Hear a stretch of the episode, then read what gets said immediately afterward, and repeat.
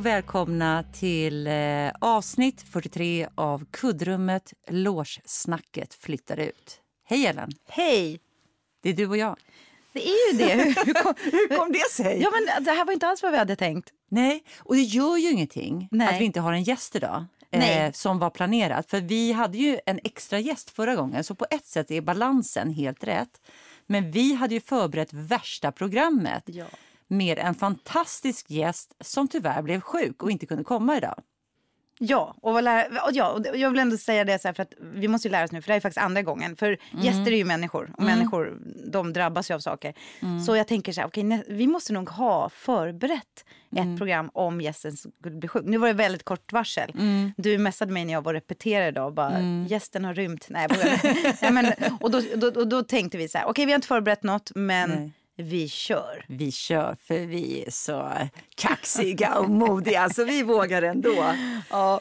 Nej, men, hur, men då kan jag bara säga något trivialt. Men alltså hur vackert var det ute idag när man cyklar hit? Men det var så fint. Det är helt otroligt. Ja, ja, jag älskar hösten. Det är min eh, favoritårstid. Det är det. Mm. Just de här krispiga dagarna när himlen är blå.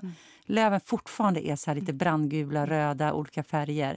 Och så går man ut med hunden och så lyser solen. Nej, Jag tycker det är liksom... Jag gick runt en sjö häromdagen. Jag går ju ofta bort till dig. Ja. Jag tar båten över. Och så varje gång jag, så ringer jag dig ibland då. Men du svarar ju aldrig. och så, och så har jag tänkt så här flera gånger. Och där kan vi testa på lyssnarna också. Jag tänkte så här att jag ska gå så här och knacka på bara så här. Ja. Hej Tanja! Så här. Då tänker jag så här, nej men det kanske blir för mycket så här. Som man gjorde när man var liten. Så här, Har du min portkod? Nej, jag har inte. men jag kan bara messa på. Så här. Nej, men det är så. Och så jag ska tänkt så här, få den. Ja, men jag tänkte så här, undrar om, om du skulle... Det är så roligt! Om du skulle tycka det var roligt. dig fel kod. Men den här har du min kod. Kom förbi bara när, när andan faller på. Och du står och knappar och knappar och tänker nej, jag skrev upp fel. Ja, men, ja, men tänk att, att, det, att man ändå tänker så här, nej men inte ska jag väl gå och knacka på. Men alltså, så här, jag, menar, jag är ju en sån människa som knackar på, men det är lite Ja. konstigt att gå flera kilometer. Det blir lite så här, men kommer du ihåg när jag, det var ju sist du hade opererat dig. Så kom jag och knackade på, då hade jag med mig godis och ballonger. och det. Ja, det var ju faktiskt jättegott. Och på tal om att operera. Jag har ju fått operationstid Du har det? för att operera mitt Mm. korsband och den här menisken som uppenbarligen verkar trasig också. Var, ska du operera två saker? Mm. Men en vid ett tillfälle? Mm. Men alltså grattis, det är som grattis. Nej men jag har, det är ju ändå så här början på ett nytt liv. Eh, Men först ett alltså, helvete, ett mörker, det är jag helt inställd på. Ett smärtsamt mörker där man inte kan göra någonting. Hur länge då? Nej, men jag har ju två kompisar som har gjort den här korsbandsoperationen och varav den ena hade spräckt menisken som, jag tror, eller som läkarna tror att jag också Mm. har gjort. Eh, det är därför det inte heller blir liksom hundra, eller det blir inte hundra Vad ändå, men roligt, spräckt ministern. Det är nästan... eh, Menisken. Nej, men det roliga är att man tänker sig det är verkligen i tiden. Ja. Att spräcka ministrar. Ja, men det heter ja. Menisken. Menisken. Ja. Nej, men det, jag skulle säga så här, efter två månader så går det ganska normalt. Men du har absolut inte din styrka. Efter tre månader så är du liksom mer och mer rörlig. Mm. Och jag ska börja repa i februari igen. Så att för mig var det så här, jag hade ett fönster på två veckor. Mm. Där jag kunde operera mig. Sen skulle det bli för sent för rehabtiden. Och jag som Sen har köpt liksom- en överraskningsresa dig till Åre i jul. Ja. Vad synd. Åh, vilken osis. Vilken, osis, ja. Nej, men, eh, så det ska bli asskönt. Och sen så liksom, säger man väl att efter ett halvår kan du börja träna och sen efter ett år ska du vara liksom helt okej. Man får ju ändå vara lite försiktig. Ja. Träna mycket. Men det är så himla bra. Mm. För jag menar så aktiv som du vill vara och så mycket roliga grejer vi ska göra. Ja. Det hade ju inte funkat med det där. Nej, nej. Det, det har inte blivit så Och det är ju bra rätt årstid önskat. också. Alltså det, nu, Verkligen. Nu är det, men gud vad roligt. Ja. Åh vad bra. Så himla skönt. Hur Så kom vi in på skönt. operationer? Ja, men hur kommer vi in på det? Jag vet inte. Vägen är lång. Vägen är lång, men jag blev utskälld lite idag av en producent på Dramaten för att apropå, jag cyklar hit. Nej men alltså jag cyklar inte med hjälm.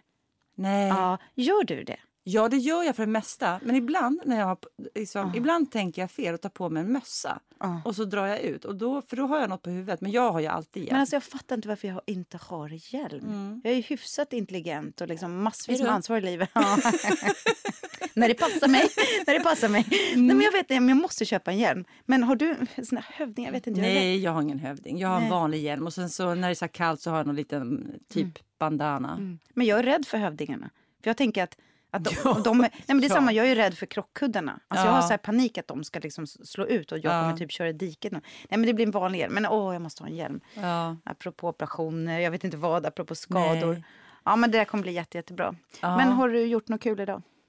Nej, jag, har bara, jag ska åka i, återigen på fotbollscup. Alltså, det är ju typ femte kuppen jag åker på i år. Eh, och vi var på cup förra helgen. Och sen så eh, håller jag på massa med fotbollen precis just nu. Så att, och så händer det massa saker som gjorde att jag måste liksom rodda massa grejer för den här kuppen. En ledare som inte kan åka med på grund av privata grejer. Och så bara, åh, vi är utan bil och en le- ledare. Och så har jag bara fått messa och försöka få tag på någon och hej och hå. Så att, eh, jag har mest gjort det. Men jag har ju tagit liksom två hundpromenader. Och, eh, 200 kronor. Ja, och hade ju satt, satt mig också och förberett ännu mer för den här eh, gästen.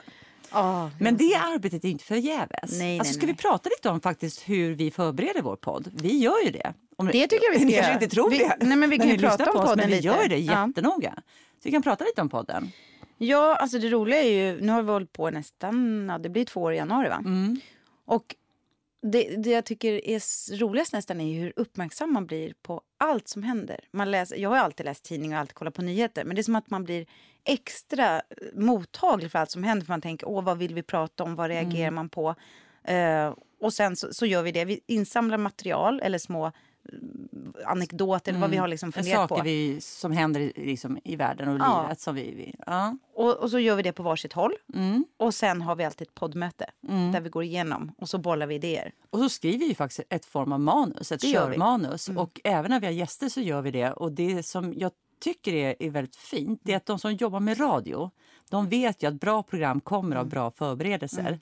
Men det är ju väldigt många som tror att vi bara sätter på mickarna och så kör vi på någon lite så här feeling. Men det är ju väldigt förberett. Sen så tar ju samtalet alltid vägen. Alltså det är ju massa avstickare. Men när man tittar sen och lyssnar på samtalet som vi sen har, då ser man att vi har följt vår idé ganska nära ändå. Ja, alltså I ut- grunden. Ja, utan manuset, det förberedda, då tror jag att vi skulle kunna hamna var som helst. I diket. Ja, i diket. I diket. För det är ändå så att om vi gör en liten detour Ja. så tittar vi manus. Vi är ju så vana med att jobba med manus. Jag tror Ja. att vi gillar det. Att liksom, och så kommer vi tillbaka eller att någon pekar på alltså vi, vi har en kommunikation.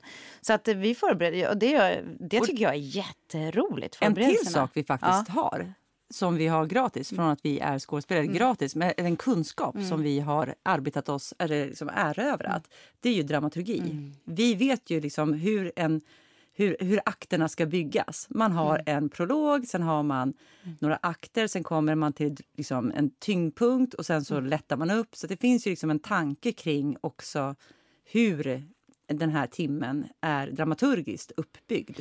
Verkligen, och det kanske jag tänker, men det som jag tycker har varit mest överraskande och roligt, det är ju klippningen. Ja. För klippningen har förvånat mig över att du Mm. och jag i princip alltid har varit överens. Nej, men Mm. där sackar det, nu klipper vi där, nu tar vi bort så här. Och, och det har förvånat mig. Mm. Att, nu vet inte jag hur det skulle vara att klippa med någon annan. Eh, men, men där, det är nästan det jag har tyckt varit överraskat mig. Ibland kan Ja. man tro att nej, men jag kan inget eller jag är inte så här. Men det tycker jag, där har vi haft riktigt mycket glädje utav.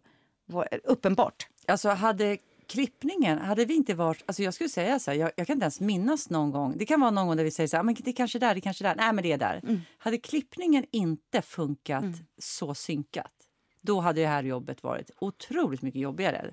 Men vi är så synkade, alltså vi Ja. vet exakt samtidigt, alltså vi tycker exakt lika. Nej, det där ska bort, det där ska bort, det där ska bort. Ja, det är Det- lustigt. Så här, för ja. att om det inte hade funkat lika bra, då kanske en hade klippt. Alltså att man säger, ah, men gud, jag litar på dig Tanja. Klipp liksom, om man känner så här. Men nej, men där, det, det tror jag nästan är det som har fått mig, alltså apropå att man vill lära sig nya saker. Så det är jag supertaggad på. Jag får lust att klippa film. Jag får lust, Eller hur? Ja, jag får Eller lust att hur? klippa film. Ja, men det är det som är grejen. För det är i klippningen som man gör själva slutverket. Mm, För liksom varje avsnitt är ju också så vår föreställning Mm. på något sätt. Fast det är vår poddföreställning. Så det är liksom varje gång en, en ny premiär. Ja. Och så har vi gjort verket och det är klippningen. Och det måste ju vara precis samma. Man mejslar fram en eh, film. Ja, men jag förstår helt plötsligt Ja. när man filmar till exempel. Man ser ju som, ibland försöker man få kontakt med regissören Ja. så ser man så här, äh, fan hon är redan i klipprummet. Alltså Ja, vet, man ser det. Och jag fattar nu, det kan vi också prata om. Just, det. det är ju jätteroligt att filma Mm. tycker jag. Och ju, mer, och ju mer man kan om tekniken, det kunde inte jag i början alls, vilket också fanns något så här jätteroligt oskuldsfullt över. Jag kommer ihåg när Mm. du och jag jobbade i Bellman. Ja. Det var en, av de första eh, gångerna. Ja, Du det, spelade- var bland de första gångerna som vi sågs, alltså jobbade ihop. Ja, det var det. Mm. Bellman, den gick på SVT. Eh, Den hette faktiskt Bellman och hans fru Lovisa. och du var Lovisa. Ja. Och jag kände ju mycket väl till vem du var. Och Ja. det var första, och jag kom ju ganska nyligen från scenskolan. Mm. Och det var en av mina första tv-roller. Och då kom jag ihåg att den regissören som jag gillade super, super Mm. mycket. Jag blev liksom så här, kände att han såg mig. Och det vill Mm. man ju i början. Då sa han så här. Han bara, men jag låter liksom lite kameran gå när Ellen spelar för det händer så mycket som man gör med barn. Och Mm. det skulle inte hända idag. För, att de, för han lät ju, jag visste inte när kameran var av och på. För jag hade Nej. inte erövrat tekniken. Skulle man göra så idag då skulle det kanske vara lite tillgjort av mig. Att jag, Mm. förstår du? Men då var det verkligen så här. Jag kommer ihåg jag låg där och snark och tickade dit. Och, så och han bara, och det var ingen som sa stopp. Nej. Så då bara fortsatte jag. Sen där. Så det kan ju Ja. finnas plus och minus Ja. med att inte kunna teknik. Ja. Men jäklar vad jag känner att min hjärna har utvecklats i och med podden. Nu Mm. kanske alla sitter hemma och skrattar och slår sig för knäna. Men ni ska veta att vi förbereder det här. Vi tar Ja. det på yttersta allvar. Ja. Och det är någonting som vi... Åh, vad jag vill utveckla det här. Så nu har vi ju... Jag pratade med ett bolag häromdagen. just det. Mm, jag tänker att eh, ni, kan, ni som lyssnar, alla ni kan hjälpas åt. Men Att vi sprida vill, det. vi vill Mm. sprida oss, vi vill växa, vi vill se om det här flyger utanför vår liksom, så kallade kulturkrets. Mm. Ja, vi har börjat liksom slänga ut lite krokar här nu. Ja, Så att, eh, vi får se vad, vilken, vilk, om vi får någon som nappar på någon av våra krokar. och då är frågan, Tanja, Ja. är det en dröm eller är det ett mål? Det måste vi prata mer om.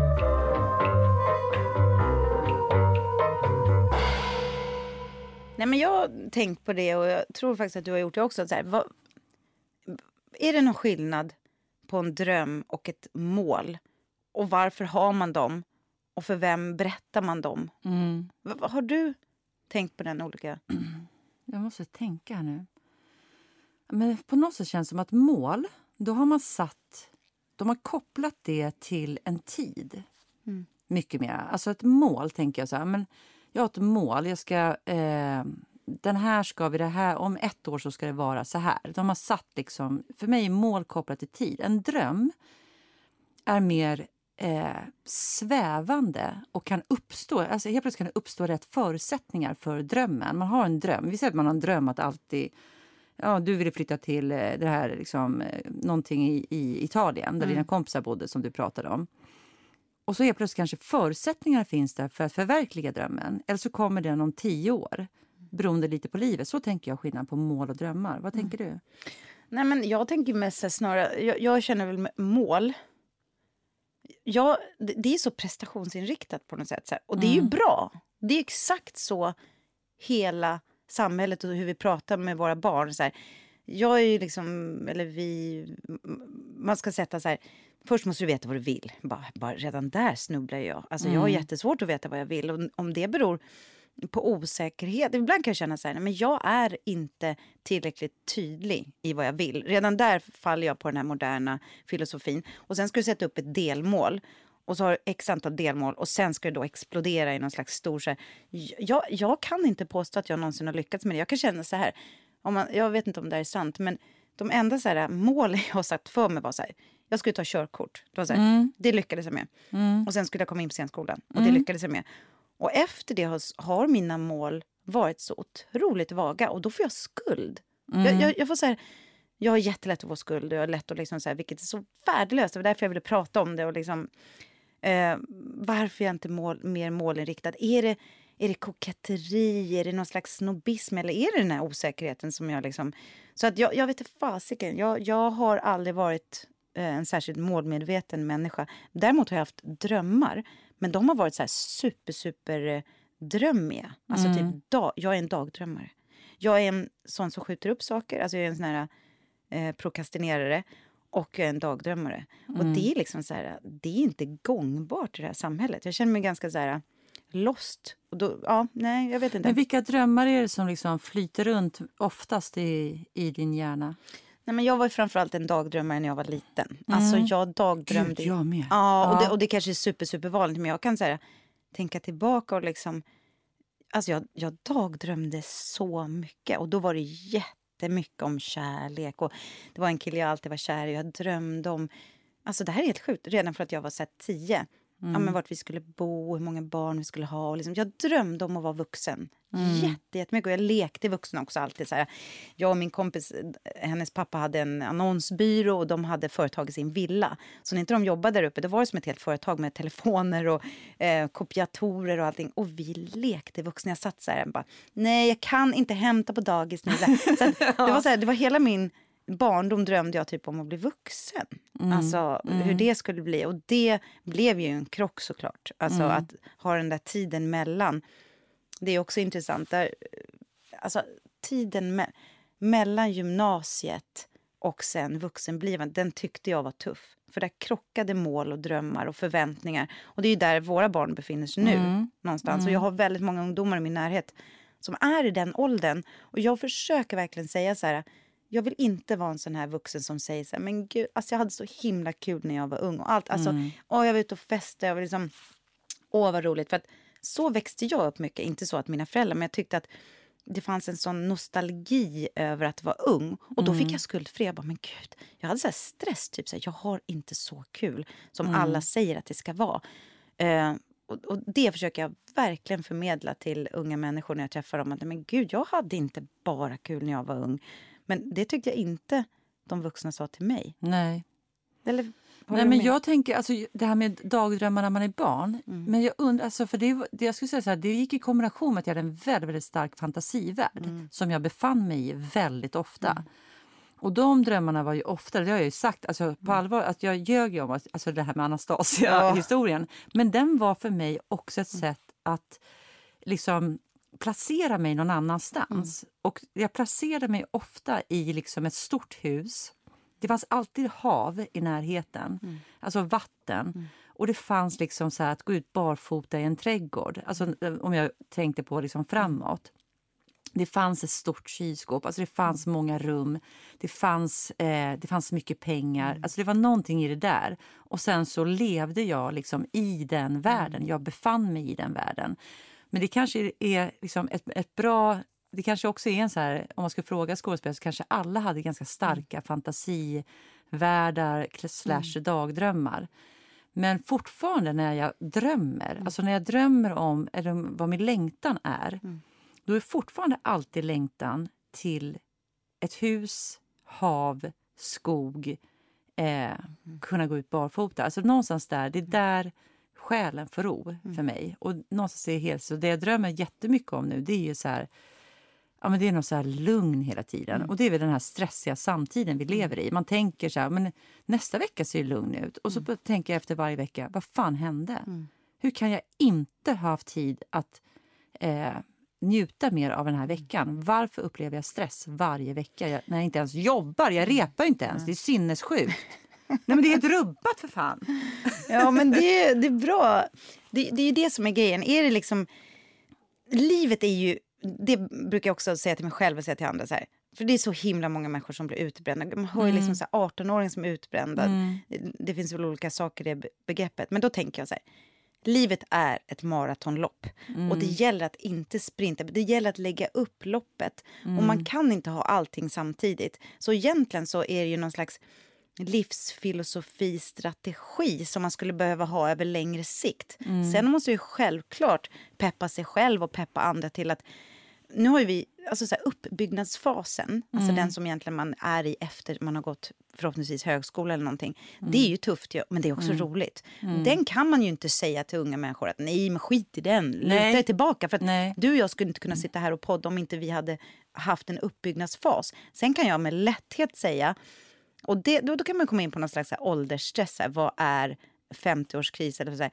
Det är oftast förknippat till att man kanske inte är där exakt där man skulle vilja vara. tror jag. Mm. Eh, är man, har man 30-årskris kanske är för att man inte har fått barn. Har man, så mm. och, då, och jag tycker inte riktigt att jag eh, har jobbat tillräckligt hårt. Jag har gjort en uppbyggnadsfas som jag kan mm. vara stolt över. Och nu, apropå det här med mål och så, det kanske inte varit så uttalat, men jag har ändå byggt upp någonting. Mm. Eh, men inte fullt ut. Så jag känner att jag, och det kanske jag hade hoppats på det är också det jag hoppats på men inte mm. jobbat för. Att när jag mm. var 50 då kanske jag liksom skulle ha det där sommarhuset och gå barfota eller liksom inte stå i mitt badkar och duscha fortfarande. Men jag liksom jobbade inte tillräckligt hårt för att... Men då tänker jag så här, eftersom jag är så bra på att vända allt till det positiva, att det kanske är bra, för då kanske jag Ja. fortsätter att sträva. Men så jag har, absolut, jag har väldigt eh, mycket kvar som jag skulle göra som jag är lite besviken på mig själv och det är där skulden kommer in. Och det är där prokrastinerandet. Så att, men om man skulle se det som en helhetsparaply så vill jag inte se på livet som eh, en prestation. Nej, och jag läste en bra artikel som jag skickade till dig precis just nu. Ja. Och jag tyckte den var så här, den handlar om, den, ifråga, eller den ställer en, en frå, frågeställning. Mm. Och det är så här, är mål meningsfulla? Alltså borde vi fokusera mindre på förutbestämda mål och mer på långsiktiga system? Mm. Och bara för att liksom lyssnarna ska fatta eh, vad liksom skillnaden är. Eh, då, då kan man säga så här, eh, ska se om jag hittar här. Skillnaden, eh, om du till exempel är en fotbollstränare så är målet att vinna mästerskapet. Medan systemet är allt det som laget gör på träningen varje dag. Om du är författare så är målet att skriva en bok. Men systemet är att ha en rutin som går ut på att skriva ett visst antal sidor eller timmar per dag. Eh, och då, det han resonerar om kring den här som jag, den här, den här tyckte jag var så här, för mig jättebra. Därför att att sätta så ett bestämt mål istället för att jobba med systemet, det vill säga så här, ja men, då säger han exakt det som du sa. Det som man riskerar är att man har målet framför sig hela tiden och det ska liksom infalla vid en viss tidpunkt. När du är 50 så ska det se ut så här och så här och så här. Och har du inte uppnått det så ligger det en risk för att du bara blir besviken på dig själv och bara blir ledsen. Men om du har ett system, det vill säga hur ska mitt liv se ut? Hur ska min vardag vara? Hur, ska liksom, hur, hur vill jag leva varje dag? Hur ska resan vara eh, i livet? Då är man mer närvarande i nuet. Så att har man ett mål så är risken att man hela tiden ligger där framme i det. Mm. målet istället för att bara vara där man är idag. Och någonstans där, den klickar nog in i mig för att jag, jag kände nog i uppbyggnadsfasen Mm. att jag hade kört så hårt så att jag mådde så jävla dåligt i vardagen eh, av den här stressen Mm. som fanns. Så jag är mycket lugnare nu. Alltså jag är mycket lugnare med, även om det är stressigt, det är en annan sak. Men jag är mycket lugnare med att jag inte har kanske eh, just nu den här feta filmrollen eller att jag producerar en film eller att jag har fått regissera min pjäs. Alla de där som skulle kunna vara så här väldigt tydliga mål. Att vid, vid 50 så vill jag kunna ha gjort det här och det här och det här och det här. Utan att man är liksom i systemet och ser till att man fokuserar på att systemet ska funka. Men ja, det, jag tycker det är helt fantastiskt. Men, och det konstiga är nu, att vara i nuet är något svårt. Men att vara i systemet som du säger då. Ja. Då, då blir ju tiden upplevt längre också. Har du tänkt på det? Mm. Att så fort, så fort man försöker stressa till någonting Mm. så känner man, nej men gud vad fort det här har blivit. Men jag har också blivit mycket bättre på att, här, nu handlar det mycket om att vi inte har småbarn också, med all respekt ska jag säga Mm. till alla som har småbarn, det går inte att jämföra. Men nu är det så här, gud nu är jag här med dig. Och jag Mm. är bara här just nu, jag är inte någon annanstans. Det är något man får öva sig på. Och när man har för mycket så är man ju aldrig riktigt närvarande. Det, det är en hemsk känsla. Ja, men exakt. Den är hemsk. Men fasiken var bra. Men då är det så här, för jag tänkte lite affirmation också där med, jag tänkte vad det jag började med med podden, att jag vill börja sätta upp någon slags, det här har ju blivit vårt system också. Mm. Om jag ska vara ärlig. Ett system som jag mår bra av. Där Få tänka själv, få utveckla själv, få träffa spännande människor. Vi har ju byggt upp ett system som vi uppenbart trivs med. Mm. Och om det sen skulle falla ut till att bli någonting mer så skulle jag ju bli jättelycklig. Mm. Så man kan väl säga att det är en dröm då istället för ett mål. Ja, men Eller? precis. Ja, ja, Eller en ja, måldröm. Exakt. Ja, men för där Alltså- är det så här, där är skillnad. För att Ja. Om man bara ska isolera, för det är skillnad på så här, men ha ett mål med podden. Mm. Där, där är det ju inte helt fel att sätta så här, nej men vid den tidpunkten, Mm. där bör vi ha nått det här antalet lyssnare med podden för att få de här sponsorerna, Mm. för att nå ut till fler stycken. Eh, Hur roligt den är, så någonstans måste ju ekonomin gå Mm. runt också. Där är det helt rimligt tycker jag att ha ett mål Mm. som är kopplat till tid. Men jag tror att det här blir avstampet nu. För jag känner så här Ja. att det var det jag tänkte på när jag ringde den där produktionsbolaget nu. Så här, jag, har, jag har så roligt med det här och vi har så många gäster vi vill bjuda in. Eh, men nu måste vi göra det. Men inte utav stress utan bara för att vi verkligen vill. Men gud vad intressant. Ja. det, är, det är ett långt lopp Ja. och eh, det är systemet och det är nuet vi ska fånga. Ja, Eller hur? yes. Och någon gång kanske jag kommer ha ett duschrum och inte stå i badkar och duscha. Det kan vara en dröm.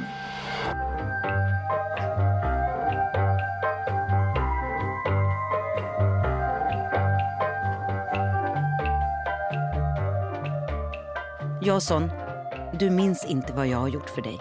Jag vill inte heller minnas vad jag har gjort för dig. Jag vill glömma det, Jason. Jag har inte varit en dålig hustru. Jag tror att du har haft nytta av mig mer än en gång. Du kunde ju ha varit gift med vem som helst. En alldeles vanlig kvinna. Men eh, det hade kanske inte varit så bra för dig trots allt. Du har kanske haft en del brister i din personlighet, kära Jason. Du kanske vill medge det. Och det har nog varit nyttigt för dig att bli lite kompletterad. Och jag har inte varit någon alldeles vanlig hustru. Men jag har glömt det. Jag har låtit dig glänsa. Jag har låtit dig glänsa, för det har varit min glädje. Vad jag har haft för ovanlighet, det har jag skänkt åt dig för att du skulle få utnyttja det. Du har aldrig haft någon särskild drift, kära, att göra några offer för andra. Men jag har haft det. Jag har haft min glädje i att giva. Och jag har glömt. För jag gjorde det aldrig för tack eller ersättning, utan för att jag älskade dig. Jag har kanske inte skött hushållet så exemplariskt alla gånger, men jag har gjort mitt bästa.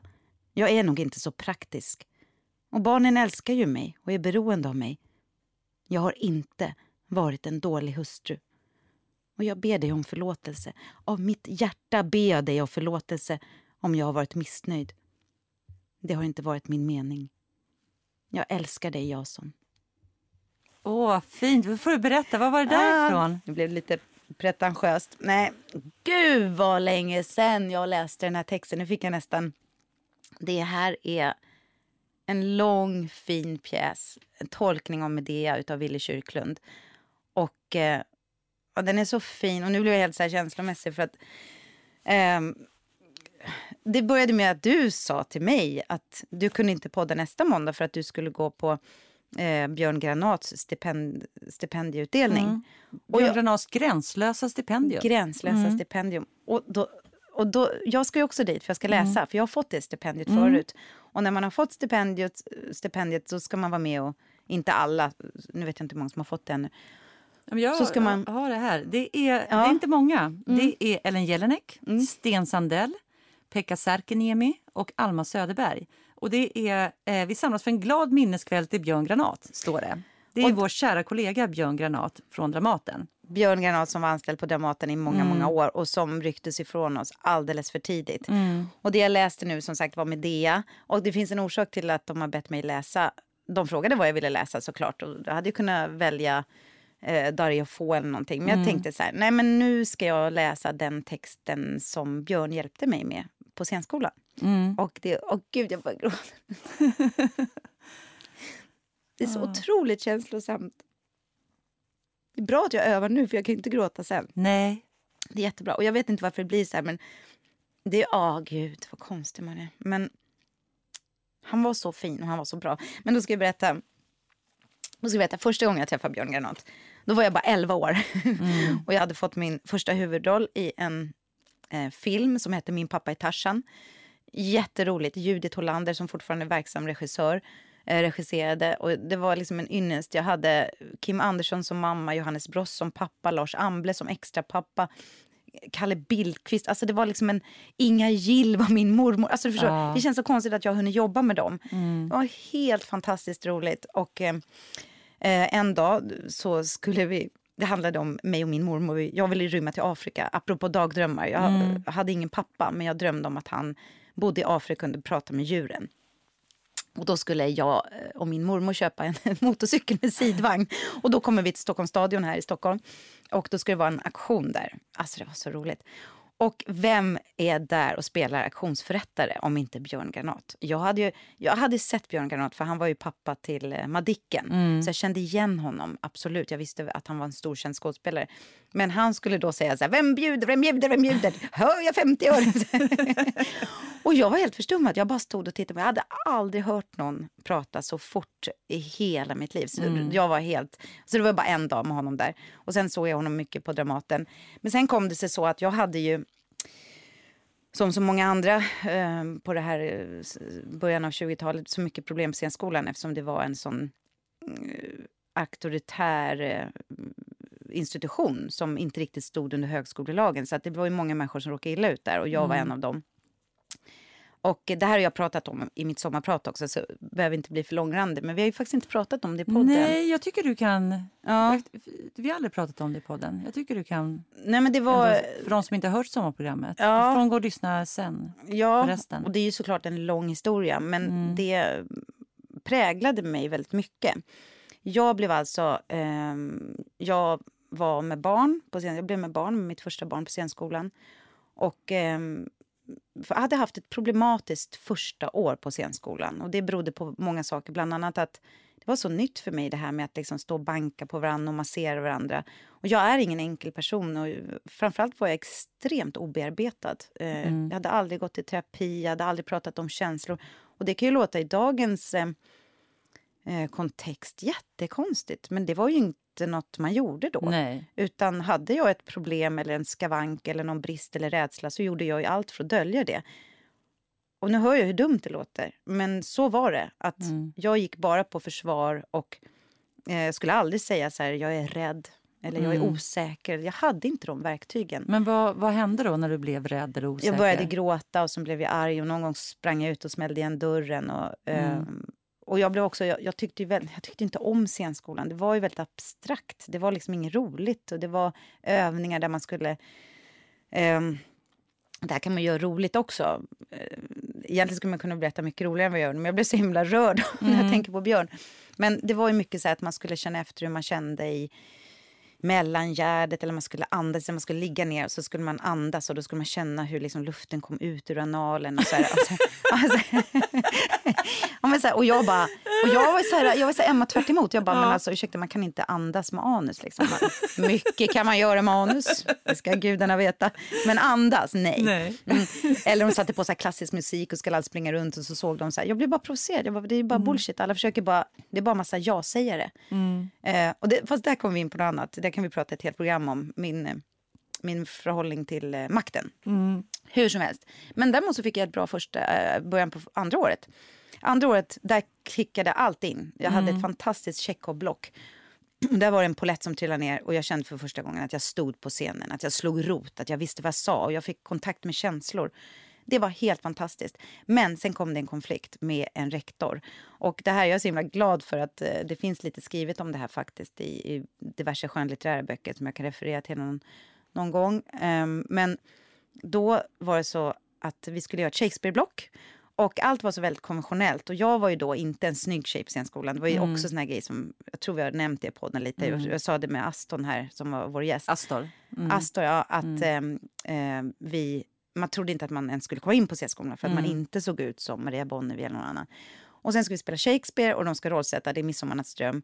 Och då får jag såklart spela någon liten skogsmänniska och så ska den snygga tjejen spela drottningen. Så. Och då sa jag till den här rektorn så här, och det var inte bara jag som sa, men vad fan är det här liksom? Vi tar ju studielån, ska vi inte liksom, det här är ju en konventionell rollsättning. Och det tog hus i helvete och det blev bråk. Och det blev mycket bråk. Jag kommer inte ihåg alla, alla grejer, men jag började bråka med en kille i klassen. Varpå han går upp till scenskolan, till rektorn och säger ehm, jag, jag vill inte gå i samma klass som Ellen. Och var på den rektorn då tyckte, gud vilket bra tillfälle att bli av med den här bråkiga tjejen. Eh, och jag, ont, inget ont anande. Och sen så säger de så här, vi vill ha ett möte med dig. Och jag fattade direkt att det här mötet ska inte jag ta själv. Jag ska inte ta det här mötet själv. Så då vill jag ta med mig en klasskamrat som jag tyckte mycket om. Eh, David Dencik. Nej, fick jag inte. Jag fick inte ta med mig honom på mötet. Jag går in och där sitter två rektorer. Good cop, bad cop. Sen visade det sig att båda var very bad.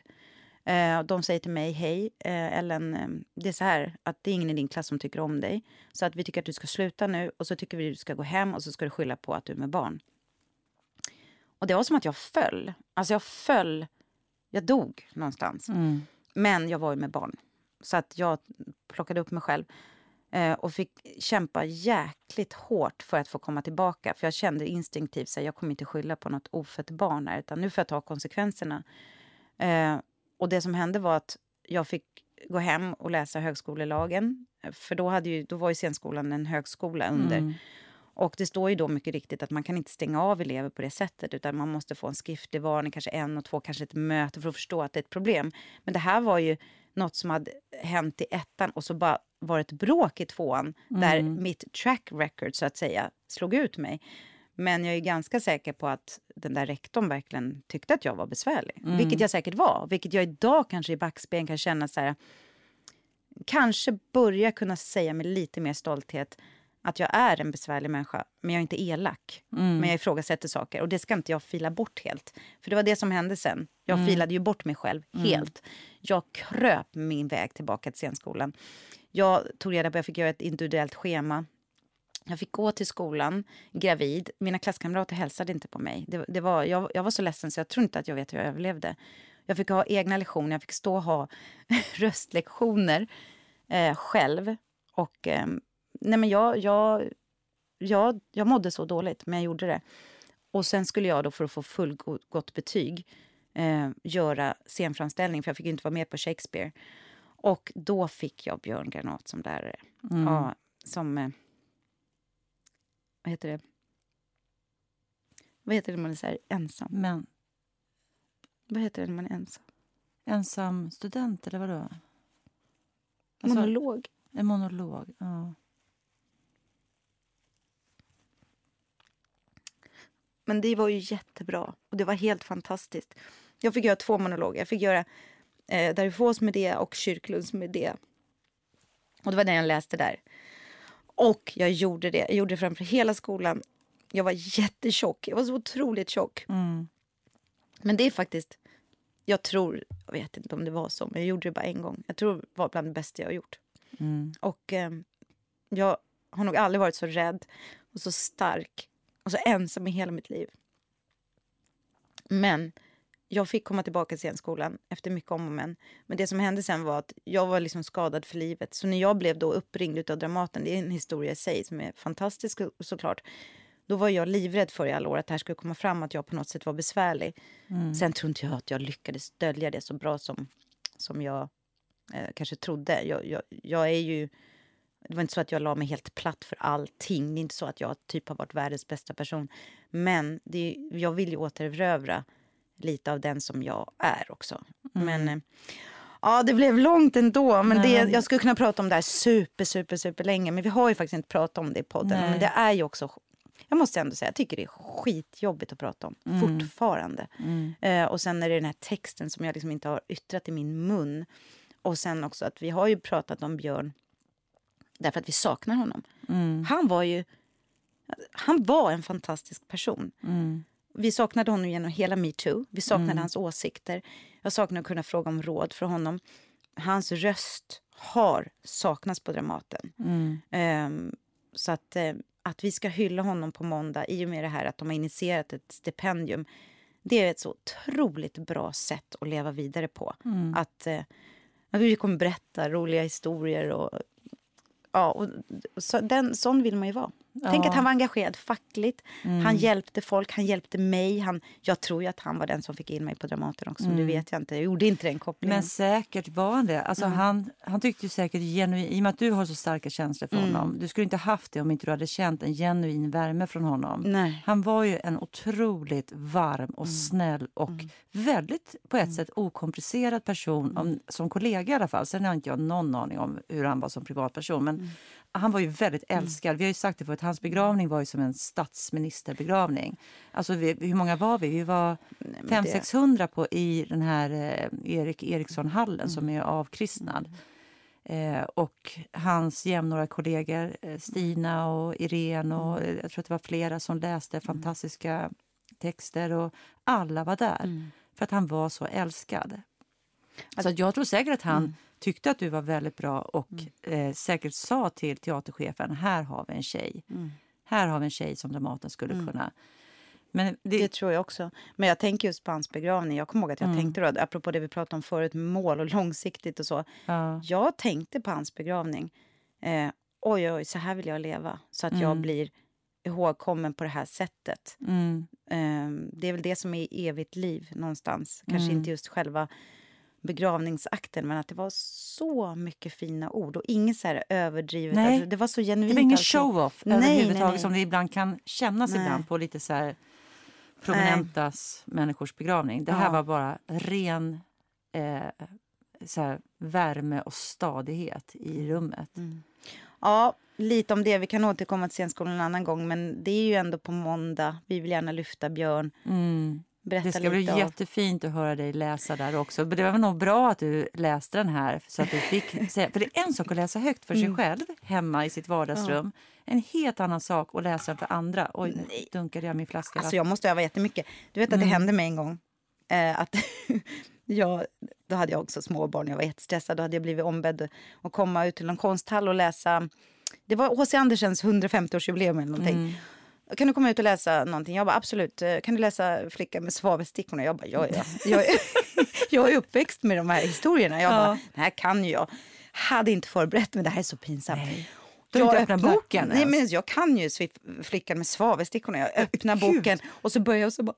alltså det, det är det fy sämsta jag har gjort. Jag, började, jag, kunde, jag grät och grät.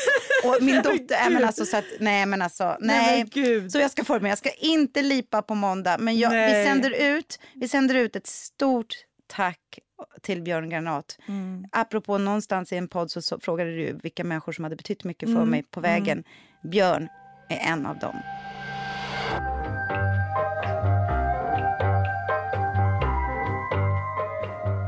Vi kan ju inte låta bli att kommentera lite av det politiska läget i Sverige och Ja. utlandet. Mm. Det går ju inte, men det är ju också eh, från det ena till det andra. Det blev så deppigt, nu måste vi göra lite roligare. Men, men vad På tal säger om vi? dramaturgi. Ja, på, på tal om dramaturgi. Då kanske ni tänker så här, är de schizofrena? Nej, men Ja. jag satt precis och grät en skvätt Ja. här. Men jag tyckte ni skulle förskonas från det.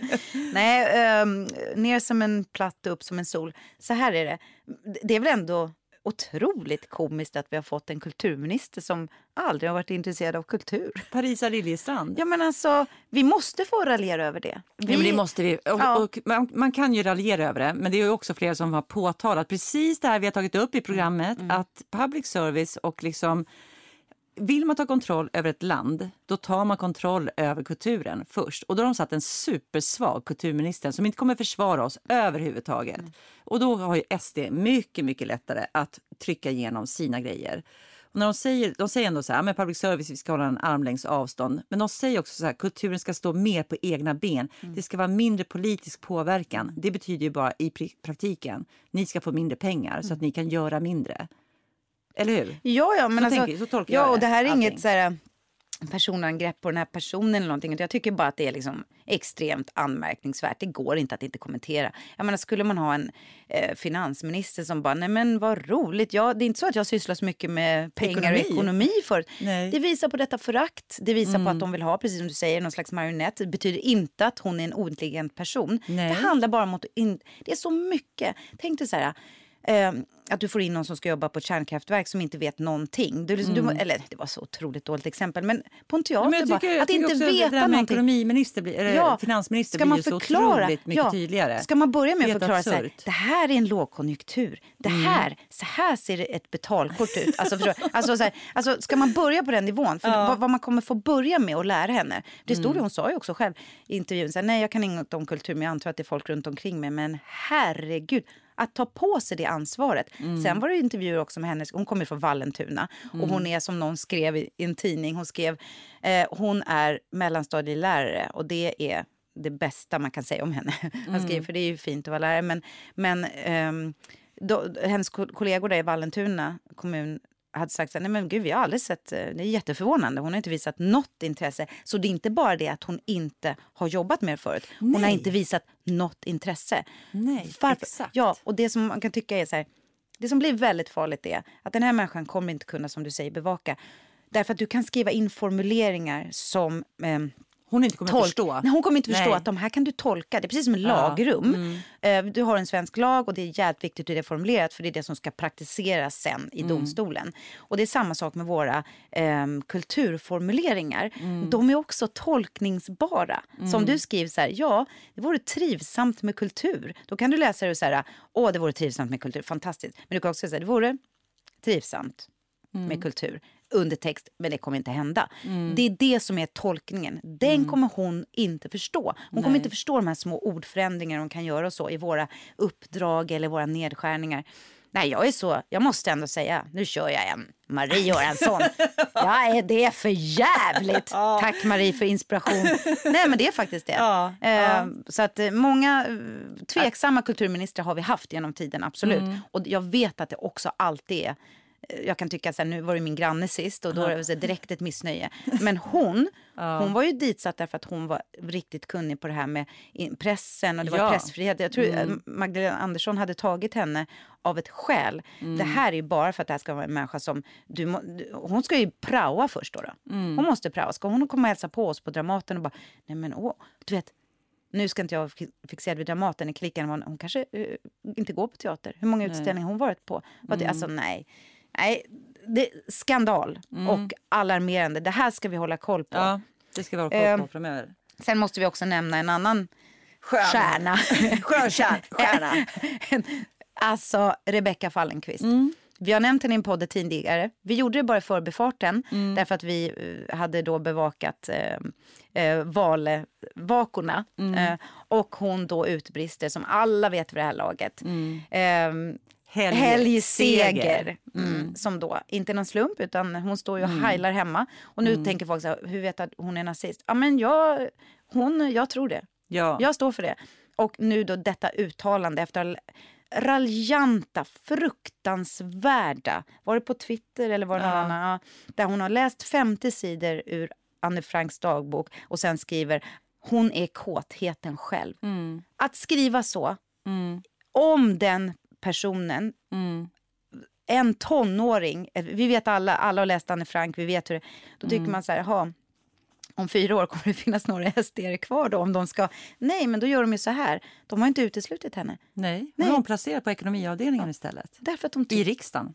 Ja, Mm. hon ska ju bort. Nej, de tycker nog inte att det här är så farligt. På riktigt, om det är någon som sen säger att inte... Jag lovar dig att Jimmie Åkesson också är antisemit. Mm. Alltså på riktigt. Så på fyra år nu så kommer vi behöva bevaka alla våra paragrafer. Vi kommer få lära upp och ha en praoelev på fyra år som är kulturminister. Mm. Och vi har grava antisemiter som Mm. inte kommer få repressalier. Vad är, det för, vad är det för signaler vi skickar till vårt samhälle? Mm. Vi får bara bevaka det och Vi får se till bara- att vi inte normalisera det. Hoppa, jag hoppas på att det blir 45 dagar som i England. Ja. Eh, Liz Truss har ju avgått efter 45 dagar. Det orkar vi inte ens gå in på. Jag tycker synd om England, absolut. Men vi hoppas på 45 Ja, dagar. vem vet, vem vet, Vem vet? vem vet. Men hörru, vi börjar ju närma oss lite slutet. Ja. Eh, och idag så kör vi en lek med varandra. Det var länge sedan vi hade en lek. Ja, det var det. Det här är de här som vi brukar köra den här leken så här. Skulle du välja det här eller det här? Mm. Eh, ska du eller jag börja? Mm, Vet du, du får nästan börja för jag, Ja, jag den andra kan inte jag svara på. ja, men då börjar jag då. Ja. Okej. Eh, om du får välja Wahlgrens värld eller Mästarens mästare? Mästarens mästare. Va? Jag skulle välja Wahlgrens värld. Ja, mina unga kollar ju på Wahlgrens värld hela tiden så jag får ju det lite i mig Mm. eh, hela tiden. Jag har sett ganska mycket av Wahlgrens värld. Mm. Men Mästarens mästare, det tycker jag är jättekul. Så får man se de här tillbakablickarna på de här idrottarna. Men det enda konstiga är att det känns som att det är samma idrottare i alla de här programmen. Det finns ju flera varianter på det här med idrottare Ja. som ska tävla mot varandra. Och tänker, nej men nu har jag ju sett den här tillbakablicken tre gånger och så kommer de tillbaka dessutom. Alltså, de måste få vä- väldigt bra betalt. För Ja. Orka hålla på med det där. Ja. Nej, gud vad tråkigt med Jag vill ju vara med i Mästarnas mästare. Fast för vanliga människor. När jag har opererat mitt knä och det har gått ett år. Jag älskar såna grejer. Vadå? Jag vill Men- också men- tävla i så här, jag, jag tänker varje gång jag ser det så tänker jag så här, fan det där, det skulle passa mig. Såna här lekprogram, det, det är för mig. Skådespelare som utmanar varandra. Ja, Okej, men vad skulle du helst göra? Åka över Atlanten då, eller klättra upp på toppen? Åh fy fan. Jag tittar ju på Över Atlanten nu. Jag följer det. Det jag, vill jag, jag följer varenda säsong. Jag Jag skulle faktiskt vilja åka över. ja, det här, den här säsongen, den är ju brutal. Är det Eh? Jag, blir, li- jag får ångest av den, men jag skulle kanske ta den ändå. Men nej, ah, ah, jag får sån ångest! Okej, okej, sån men vi får se. det. Ja, vi får se. Nästa. Anbuden kommer hagla med. Ja, ja, nu Okej. säger jag Mm. Babel eller Agenda. Och då, oj, oj, oj, det är två ämnen. Jag är både jätteintresserad av litteratur och politik. Mm. Men eh, just nu väljer jag Babel. Eh, jag har flera vänner som jobbar Agenda, gillar Agenda, men du såg att de fick hård kritik idag utav en annan gra- gammal granne till mig. Christian dina Kat- Det är helt sjukt. Nej, men det är helt sjukt. Christian Katomeris. Eh, Vad, vad fick de kritik för? Då? inte bara eh, Agenda som har fått- fått kritik, men han, han slutade på Agenda-redaktionen därför att han eh, var upprörd över x antal saker. Jag har inte hunnit läsa boken, jag läste det här idag. Eh, Christian Och Katomeris. då har han skrivit en bok om det? Ja, men inte bara Magen. Han har skrivit en, jag ska läsa den boken för att den är Mm. väldigt kritisk till journalistik. Hur man, Vad man lyfter fram och hur man till exempel vinklar ett eh, inslag. Till exempel så här, Mm. om du och jag ska vara anonyma röster så är den som städar heter Amina och den som är eh, ekonomichefen heter Anna. Alltså, det är så här, alltså, så, jag har inte läst Mm. Hur den man ännu. befäster stereotyper. Och, Exakt. Alltså, eh, ah. Mm. Christian Katomeris. Det är så konstigt. En granne till mig. Vad är det här? Ja, så det skulle jag välja. Jag väljer Babel just nu. Ja. Ja, frigrupp eller institution. Det var ju till vår förra gäst egentligen. Ja. Nej, ska, nej, men då tar jag en annan. nej men jag kan Okej. ta den. Alltså grejen är så här. Institutionen är så himla skön för att Mm. liksom alla resurser är där. Men jag tror att man mår bra av att vara Mm. på en frigrupp. Jag har en jättestark längtan att få liksom, jobba på i en frigrupp och få den feelingen. Back to the roots. Jag håller faktiskt med. jag det var vill det vi hade velat prata. Ni, vi kommer ju ha vår fina gäst nästa, Ja. nå- någon gång när, när det går. Nu vet Ja. vi inte riktigt. Men vi hade tänkt att prata mycket om frigrupper. För det, det, det, vi planterar ett frö där. Vi vill prata om alla olika typer av, inte bara vår institution. Jag vill också jobba på frigrupp. Nu kommer till dig. Ja. Läppstift eller mascara? Åh, om jag bara får välja liksom. Om jag ska Ja. gå på fest och bara få ta Ja. på mig något av det. Ja. Åh, jäkla svårt. Jag, jag ser lite ut som en transvestit i läppstift. Jag är inte snygg i det. Och mascara gör liksom ingen skillnad med. Jag är ju världens sämsta sminkperson. Mm. Jag blir inte snygg i smink. Jag ser bara ut som en transvestit. Åh, vad svårt. Men om jag skulle gå på fest, Mm. då tror jag att jag skulle välja lite på läpparna. Jag tar mascara. Du tar mascara? Ja, det är någonting. Jag har ganska stora läppar, Mm. men när jag tar på läppstift, speciellt, så- speciellt som Speciellt som är mörkare. Då ser jag ut som att jag kniper ihop munnen och ser sur ut. Ja. Så jag, jag kan inte faktiskt- ha nej. mycket färg på läpparna. Åh, smink. Jag skulle vilja bli mycket, mycket bättre på att sminka mig. Ja. Det, det där är vi... Jag har börjat lära mig av mina barn. Det är skitkul. Alltså, jag är så usel. Mm. Jag är liksom... Ja. Ja. Eh, ja, då eh, kjol eller byxor om du klär dig. Byxor. Och jag är kjol. Ja. Där är vi helt olika. Där är vi helt olika. Ja. Mm. Spa eller kajakhelg? Eh, kajakhelg.